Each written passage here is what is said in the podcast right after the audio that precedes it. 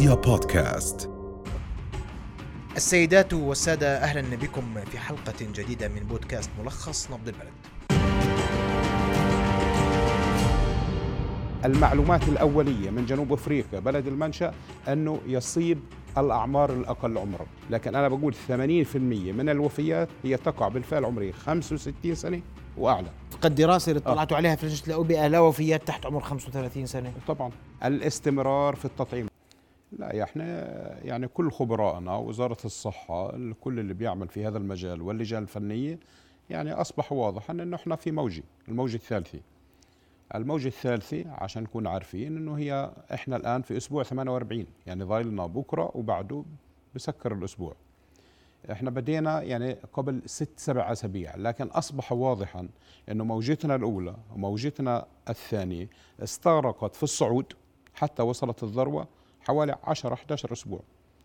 فنحن بحاجة إلى أسبوعين غير الأسبوع اللي إحنا فيه أسبوعين إلى ثلاثة. يعني خلال شهر 12 في نصه في نهايته بإذن الله إنه إحنا سنصل الذروة. وخلينا أقول يعني ذروتنا الأولى وصلت في في الأسبوع 37000 إن شاء الله ما راح نوصل يعني في الذروة. وفي الموج الثاني وصلت 56000 فإحنا هلأ واصلين 27 ألف لغاية الأسبوع اللي فات. أتوقع أنه إحنا سنصل في الذروة 30 32 35 يعني لكن هي لما تطلع عليها ليست أشد لا من الأولى ولا من الثانية. قلق متزايد من المتحور الجديد. لو بنينا جدارا للأردن لن نمنع هذا المتحور من دخول المملكة. إن وصل الفيروس كيف نتعامل معه؟ الحديث عن حظر جزئي حظر شامل. تعليق لدوام المدارس الوجاهي. كل هذه الأمور مصير ما هو قادم نناقشه مع ضيفنا الأستاذ الدكتور وليد ألمعاني الوزير الأسبق مساء الخير. خلينا أحكي على تقييم الحالة الوبائية أول. إحنا وضعنا غير مريح إطلاقا. آه كل المؤشرات تشير آه تسارع في المؤشرات السيئة. أعداد وفيات أعداد إصابات مرضى موجودين في المستشفيات وحالات نشطة ترقد في المنازل. إذا بناخذ لغاية اليوم بس يوم الثلاثاء لغاية الآن 17324 حالة. نفس اليوم الأسبوع اللي فات كانوا 14307 يعني إحنا زايدين 3000 عن الأسبوع اللي فات. إذا استمرينا على نفس النسق الأسبوع هذا راح ينتهي يوم الجمعة بعدد أكثر من 30 ألف حالة. يعني مقارنة مع العدد تبع الأسبوع اللي فات اللي كان 27 فبالتالي في عندنا 30 ألف زيادة. إنما خليني أقول لك لا يستطيع أحد أن يتنبأ بالأعداد. وأي شخص بيقول لك إنه بيعرف كم راح يكون العدد أو إلى آخره بيكون يضرب في الرمل يعني.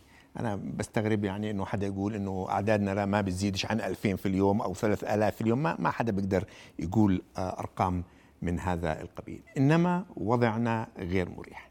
خليني مدام الوضع بهذا السوء ألفت النظر لحقيقة إحنا متغافلين عنها تماما اللي هم ماذا يجري للناس اللي في البيوت اللي هم ال 54 ألف حالة نشطة.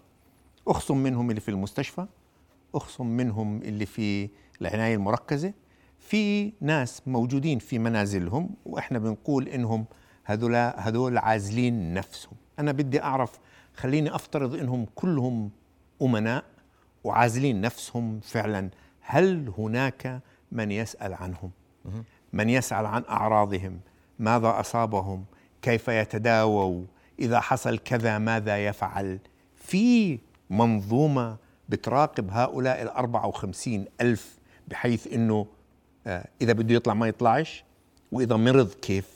يتصرف. أنا أعتقد ما فيش شيء من هذا القبيل وبالتالي بعضهم بيخرج بعضهم بيمرض وبيزداد مرضه وما بيعرف شو يعمل.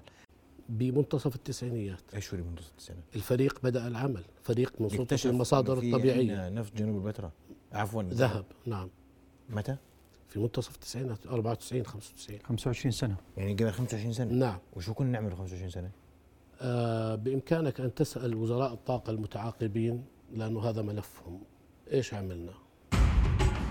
الناس تسمعنا تفكر تروح تبحث في جنوب بتراء لا لا, ذهب لا. عشان إحنا بنتحدث وأخجل أن أقولها اكررها مرة تلو الأخرى بأنه يعني هنالك أناس متخصصين في تعطيل آه هذا آه هذا الملف على وجه التحديد لأنه الحل في العودة إلى الأرض الأردنية تعدينا وزراعة ومياه وهذه الملفات الثلاث وجه بها جلالة الملك اليوم الحكومة ثبتت أسعار المشتقات النفطية.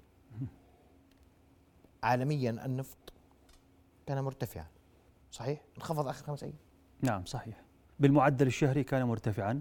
طيب. ما زالت الضريبة على ما هي عليه. ما زالت الآلية في لجنة تسعير المشتقات النفطية بنفس الآلية على حساب المعدلات الشهرية. وما معدل. معدل الشهر هذا تقريبا 83 دولار لبرميل برنت. معدل آخر شهر تم تثبيت عليه آه، السعر أيلول الماضي كان أيضا 83 8 بالعشرة لبرميل برنت. يعني هنالك أيضا ما زالت آه، كانت فرصة لارتفاع الأسعار لأنه اختيار الحكومة بتثبيت الأسعار كان خيارا يعني آه، متوسطا يلبي حاجة الحكومة وكذلك حاجة الطبقة الفقيرة من المواطنين في الأردن.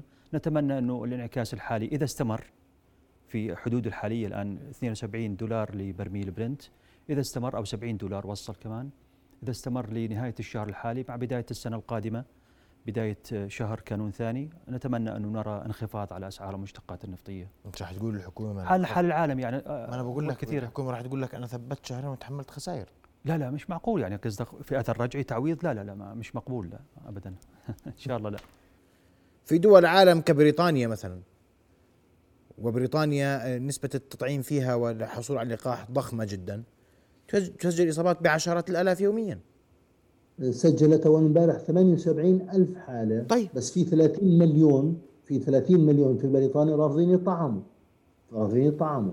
التطعيم أو اللقاح لا يعفي الشخص من الإصابة لا يحميه من الإصابة. هو يكون يعني تكون الأعراض أقل آه، خطورة خلينا نسميها. وأيضا النظام الصحي قد يكون آه، أكثر تحملا للوضع الطارئ لأنه الحالات معظمها لا تستدعي الدخول وبكو لأنه كان صار مطعم الشخص. لا تستدعي الدخول وإن دخلت بتكون في آه، حدود يعني معقولة يتحملها النظام الصحي سواء في بريطانيا أو في أي دولة آه، مطعمة. عندنا في الأردن إحنا وصلنا أكثر من نسبة آه، 35 أو 40% من المطعمين. آه، هذا شيء لازم ننتبه له بشكل جيد. مسألة ثقافة اللقاح لا غنى عنها آه، ويجب أن تكون يعني نعزز آه، ونوسع رقعة التلقيح الموجودة سواء في الأردن أو في أي دولة ثانية حتى تستطيع أن تحافظ على حياة آه، طبيعية وآمنة. ما زال الجدل حول اتفاق النوايا يتزايد التعريف السياسي التعريف الاقتصادي التعريف الاجتماعي الحاجة الملحة البدائل هناك أي شخص يملك تبريرا لما حدث. التساؤلات طرحها ضيوفنا الليلة كل من الأستاذ خالد أبو صيام النائب السابق. مساء الخير. أهلا بك. ورحب أيضا بالأكاديمي والباحث والمتخصص الدكتور عدنان الزعيم مساء الخير دكتور عدنان. مساء النور البعض يرى أننا مجبرون على هذا الاتفاق. البعض يعني- يرى أنها أننا ضغطنا لتوقيع هذا الاتفاق. البعض يرى أننا لا نملك مياها فلا بد لنا أن نوقع هذا الاتفاق. والبعض يرى أن دعنا نعطش كلنا كأردنيين. ولا نوقع هيك اتفاق. كل كل اللي طرحته صحيح. الحقيقة أنه هل نحن مجبرون؟ أنا بتوقع من خلال تحليل المشهد العام للي صار. نعم. لأنه الواضح أن الحكومة غير جادة جدا في أن تكون أو تم- تمضي خطوات تجاه تنفيذ هذا المشروع. لأنه هذا المشروع ليس له فائدة على المدى البعيد. لو كان هذا المشروع لاحظ أنا بقولها من على شاشتكم. لو كان هذا المشروع سيأتينا بالمياه خلال أشهر ينقذنا حتى ننفذ مشروع الناقل أو بلاش نقول الناقل مش لازم مش لازم نسميه ناقل كالناقل الوطني الإسرائيلي أو ناقل مشروع البحر الأح... الميت آه، المشروع تحلية العقبة آه، ونقل المياه إلى عمان. لو قلت لك أنا موافق عليه مئة بالمئة. ويجب على كل أردني يوافق عليه لأنه إحنا وضعنا المائي صعب وبدنا نتع... نتعايش بكل صعوبة خلال الأس... ال- الست سنين القادمة حتى ننفذ مشروع. وهذا التعايش نقول له لأنه كان أصبح لدينا نقص كبير بالمياه وخاصة في مياه الشرب لأنه العجز المائي يزداد بمعدل 6 إلى 10% سنويا. ماذا نملك لمواجهة المتحور الجديد؟ هل من خطة؟ هل اجتمعنا وناقشنا ذلك؟ وماذا ننتظر؟ هل سجلنا أي إصابات بهذا المتحور؟ كل هذه الأسئلة نطرحها على ضيفنا الليلة دكتور عادل البلبيسي مستشار رئاسة الوزراء للشؤون الصحية مسؤول ملف كورونا. وبنتامل إنه خلال أسبوع إلى أسبوعين أن نصل إلى ذروة هذه الموجة. في ناس مطعمين بجرعتين تدخل المستشفى، هذا صحيح. إنه قبل ما عطلة المدارس رحنا راح نوصل الحد الأعلى وتب هل سجلنا أي إصابة في الأردن بالمتحور الجديد اليوم؟ لحد الآن لم نسجل أي إصابة، لحد الآن لم نسجل أي إصابة لكن يعني إحنا ال- آه، في كل المعابر كان في عندنا اليوم يمكن اجتماع بهذا الموضوع واخذنا قرار إنه كل المعابر المعابر البرية والمعابر الجوية إنه كل الحالات البوزيتيف إنه نتحرى فيها عن أي حالات آه، بهذا المتحور الجديد. القرار على المعابر فقط محصور في المعابر. على المعابر بالبداية على المعابر. إذا كان في عندنا حالات أخرى إحنا حاولنا إنه نشوف آه، آه، بالناس اللي دخلت قبل 14 يوم آه، ما لقينا أي حالة لحد الآن إنه ممكن تكون مشكوك فيها حتى تكون من المتحور الجديد معنى معنى كلمة مشكوك فيها يعني شو الإجراء هل بنعمل فحص جينات الان, شو الفحص بصير؟ يمكن لما لما نتكلم عن ال- المتحور الج- الجديد يعني بدنا نطرح أربع أسئلة مهمة جدا م. السؤال الأول إنه آه إنه هل المتحور الجديد له سرعة انتشار أكثر من المت... من من ال- ال- الفيروس اللي نتكلم عنه دلتا ولا لا؟ م. آه السؤال الثاني هل المتحول الجديد يتهرب من المناعة يعني. بمعنى آخر هل. هل المطاعيم المتوفرة حاليا لها فعالية بنفس الفعالية على المتح... على ال- آه، دلتا على المتحور دلتا؟ السؤال الثالث إنه آه، هل شدة الإمراضية راح تكون أعلى ولا أقل من ال- ال- الأولى والأخير اللي هو الفحوصات هل فحوصات PCR الموجودة لدينا حاليا هل ممكن أن تكتش- تكتشف هذا المتحول الجديد ولا لا؟ خطورة المتحور الجديد من ناحية الانتشار وقدرة اللقاحات على مواجهته. لا أحد يرغب باللجوء للإغلاقات لأن الإغلاق لا يفيد. هناك أصوات بدأت تتحدث عن المتحور الجديد وكأنه على الباب. معظم المتحورات معظم نقصت قدرة المطاعم على الحماية منها. أرحب بضيفي في هذا المحور الدكتور عزمي محافظ الوزير الأسبق. مساء الخير دكتور. مساء النور نبض. بلد وأبدأ سؤالي من تقييم الأرقام. إحنا خلصنا أس- الأسبوع التاسع وبائيا. نعم يعني والأرقام متصاعدة. كيف نقرأ الأرقام إذا ما قارنا نعم. مع الموجات السابقة ومع الأسابيع السابقة؟ نعم يعني هو ال- الموجة الحقيقية بدأت بحوالي بأسبوع 25 9 بحوالي 6339 إصابة وصلنا إلى 27204 إصابة بعد الأسبوع نهاية الأسبوع التاسع. مجموع الحالات في هذه الموجة حوالي 100 ألف يعني 118261 إصابة. فإذا ما قارناها بنفس الفترة يعني بتسع أسابيع في الموجة الأولى بلغ عدد الحالات 200 ألف و473 والوفيات 2631 وفاة. وفي الموجة الثانية بلغت 297800 حالة وكانت الذروة قد وصلت في الموجتين في الأسبوع الثامن تقريبا وبدأت تنزل أو السابع. وكانت الوفيات في الموجة الثانية 2758 نفس الفترة. حاليا الأعداد كما أشرت 118 ألف إصابة و833 وفاة. فيعني أولا الموجة الثانية تقريبا انتهت في منتصف شهر خمسة ومنذ ذلك التاريخ بقيت الأرقام تتراوح بين 3000 و 6000 إصابة أسبوعيا. نعم. ولم تتجاوز ذلك العدد. لمدة أكثر من أربع أشهر. في نهاية شهر أيلول بدأت الحالات تزداد من أسبوع إلى آخر. نحن حاليا بعد الأسبوع التاسع تقريبا. رغم أنه هناك متحور جديد أشد انتشارا وهو دلتا لم يكن في الموج الثاني الموج الثاني كانت المتحور ألفا والمتحور البريطاني. والموجة الأولى كان لم تكن البريطاني كانت ال D 614 G تسمى. نعم. يعني الفيروس الأصلي تقريبا هذا التحور حدث في شباط من عام 2020 فرغم هناك متحور جديد هناك عدم التزام هناك فعاليات عودة ش- شبه طبيعية للحياة لم تزداد الإصابات بشكل كبير. بقيت تتراوح بين ثلاث وست ألاف إصابة. إلى نهاية شهر أيلول بدأت تزداد. هناك أمور يعني آه، صادفت هذا الموقع فتح المدارس فتح الجامعات فتح الأسواق المباريات كل النشاطات الاجتماعية ازدادت حفلات وما إلى ذلك أدت إلى أن تزداد الحالات. هذه الحالات بدأت الموجة بالبناء ببطء. لم تكن هناك زيادات أرقام مضاعفة يعني. في مثلا بالموجة الأولى بالأسبوع الخامس وصلت لعشرين ألف حالة. وفي الموجة الثانية بالأسبوع الخامس وصلت 34 ألف حالة. حاليا بالأسبوع الخامس وصلت 10000 حالة. وزير المالية محمد العسس يؤكد أن الحكومة ملتزمة بعدم رفع الضرائب في موازنة العام المقبل. وأكد على سياسة محاربة التهرب الضريبي والجمركي وأكد أن هذه الأمور مكنت الحكومة من عدم فرض أي ضرائب. مؤتمر صحفي أعلن خلاله آه، بحضور وزير الدولة لشؤون الإعلام آه، فيصل شبول آه، أن الإيرادات المحلية المتوقعة في موازنة 2021 تحققت. نتابع جزءا مما حدث في المؤتمر الصحفي اليوم. ستستمر الحكومة بالتزامها بعدم فرض أي ضرائب أو رسوم جديدة أو رفع أي ضرائب أو رسوم قائمة؟ ومما آه، مكنا من هذا هو سياسة محاربة التهرب والتجنب الضريبي والجمركي. عضو مجلس النواب. دكتور خير أبو سعيديك مساء الخير دكتور. مساء الخير. أهلا بك.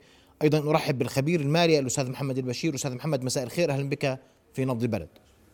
بدي من حيث انتهى الحديث الوزير تحقيق الإيراد المتوقع بل وزاد. نعم. بدي أسمع رأيك في هذه النقطة. يعني حقيقة مضبوط. الإيرادات آه، الضريبية ارتفعت. لكن مجمل الإيرادات العامة كان مقدرا لها أن تكون 8 مليار و138 مليون. آه، بنحكي عن سنة ال 21 نحن. آه، تحقق منها 8 مليار و141 بإعادة التقدير بزيادة مقدارها فقط 3 مليون دينار. فرغم أنه الإيرادات الضريبية ارتفعت يعني على سبيل المثال إذا بنحكي عن ضريبة المبيعات ارتفعت بمقدار 123 مليون إيراداتها. ضريبة الدخل ارتفعت بمقدار 100 بمقدار 40 مليون. يعني ضريبة الدخل والمبيعات مع بعض ارتفعوا عن المقدر بمقدار 163 مليون. ومع ذلك الإيرادات المحلية كلها ارتفعت بمقدار 3 مليون. طيب كيف ارتفعت الإيرادات ضريبة الدخل وارتفعت ضريبة المبيعات عن المقدر بمبلغ 163 مليون؟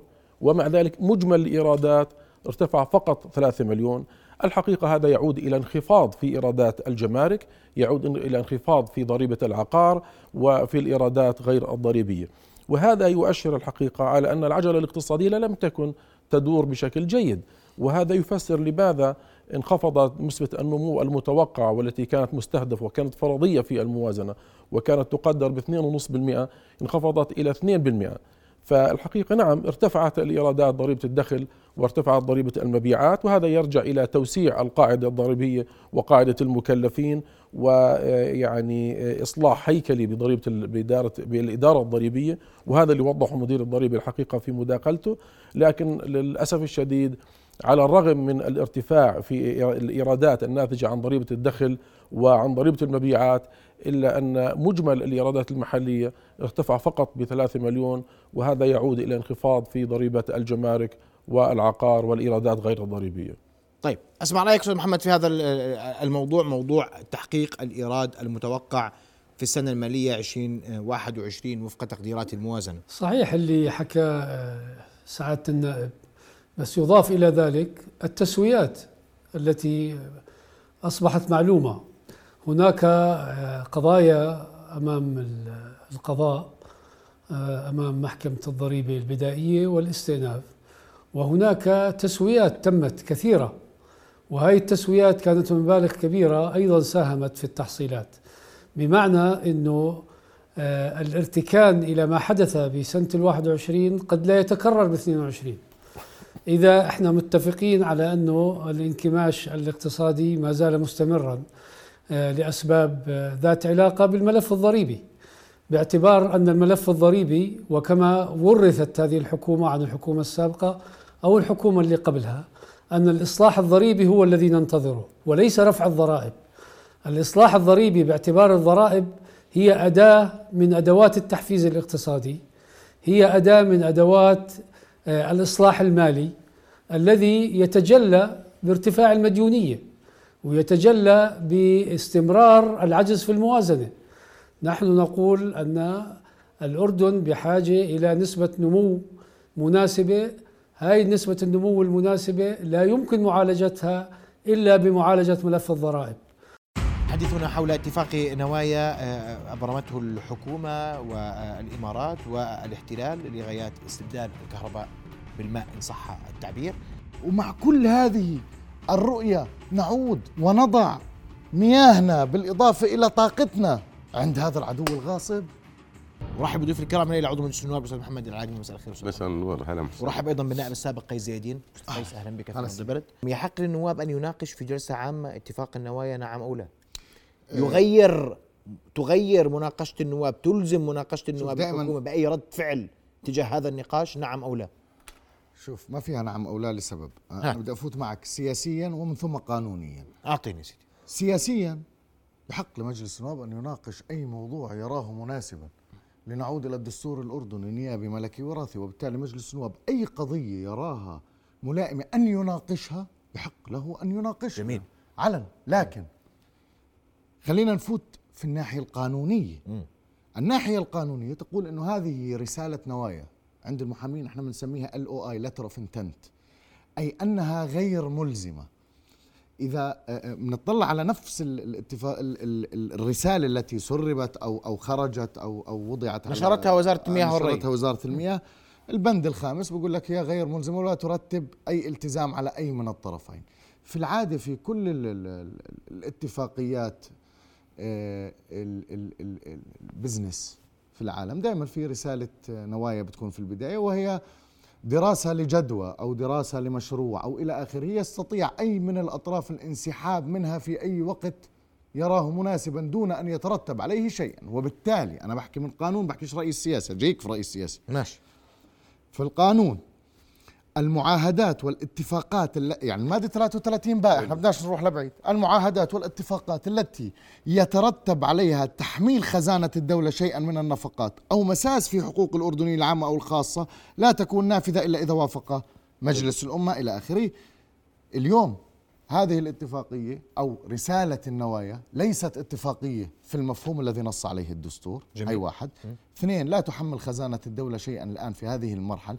لأنه ما زال آه، آه، كل شيء آه، يستطيع أي طرف من الأطراف الانسحاب في أي وقت دون أن يترتب شيئا. فنحن ما زلنا أبدا في الخطوات الأولى جس نبض الرؤية يشوفوا شو الجدوى شو الجدوى الاقتصادية. وبالتالي من حيث الدستور ومن حيث القانون الحكومة غير ملزمة أن تضع رسالة النوايا أمام مجلس النواب. لكن ملزم بالمناقشه بس لا, لا. طالما طلب النواب يحق يحق لمجلس النواب يحق لمجلس النواب أن يستدعي الحكومة أو الوزير المعني للاستفسار عن مضمون هذه عن مضمون الرسالة أو الحكومة تيجي تحط لك نعم. رساله مثلا أو تقول لك هاي بنودها لأنه هم غير ملزمين كحكومة بعرض هذه الاتفاقية. يجب أن يكون هناك تفريق بين الشخص المطعم والشخص غير المطعم. يجب أن يكون بعد العشرة في الناس يتحركوا المطعمين يتحركوا عاديا.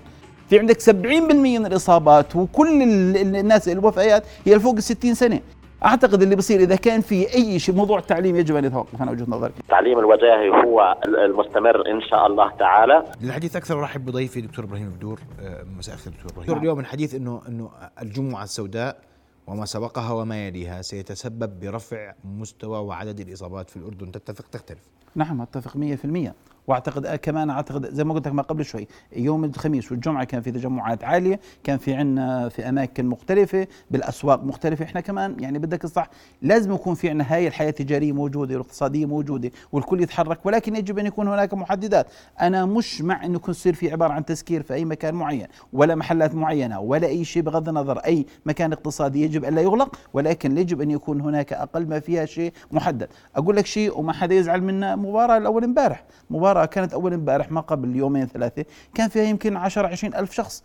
بصراحة طلع على الاستاد طلع على اللاعبين ما حدا ملتزم في كمامة. يا سيدي هذول بغض النظر حابين يفرحوا وإحنا حابين نفرح وكنا حابين ما في مشكلة. ولكن يجب كان في شوية التزام أقل ما فيها. يجب لي اللي اللي عبارة عن سمح في هذا التجمع يجب أن يكون هناك كمامات موجودة. يا سيدي أقول لك شغله في الحفلات الغنائية الموجودة كمان. شوف الحفلات الغنائية بقول لك والله مطعمين. أقول لك شغله في حفلات التخرج بالجامعات اللي موجودة. منعوهم ولكن بتلاقي الناس على الشيك قاعدين واقفين كلياتهم متزاحمين لذلك اعتقد أعتقد لازم يكون في عندنا تفعيل تفعيل ويجب أن يكون هناك تفريق بين الشخص المطعم والشخص الغير مطعم. حتى الإجراءات القادمة أنا هسه بشوف الحكومة إيش يعني؟ بتطنطن شوي بعض المرات بتقول إنه وأنا ما بلومهم في لحظة معينة الأرقام كل ما ترتفع دائما إذا بدك تكسر أي موجة يجب أنك تبعد الناس عن بعض. إذا بدك تبعد الناس عن بعض يجب أنك تخلي ال- بالنسبة للتجمعات تسويها عبارة الدولة تفريق بينها.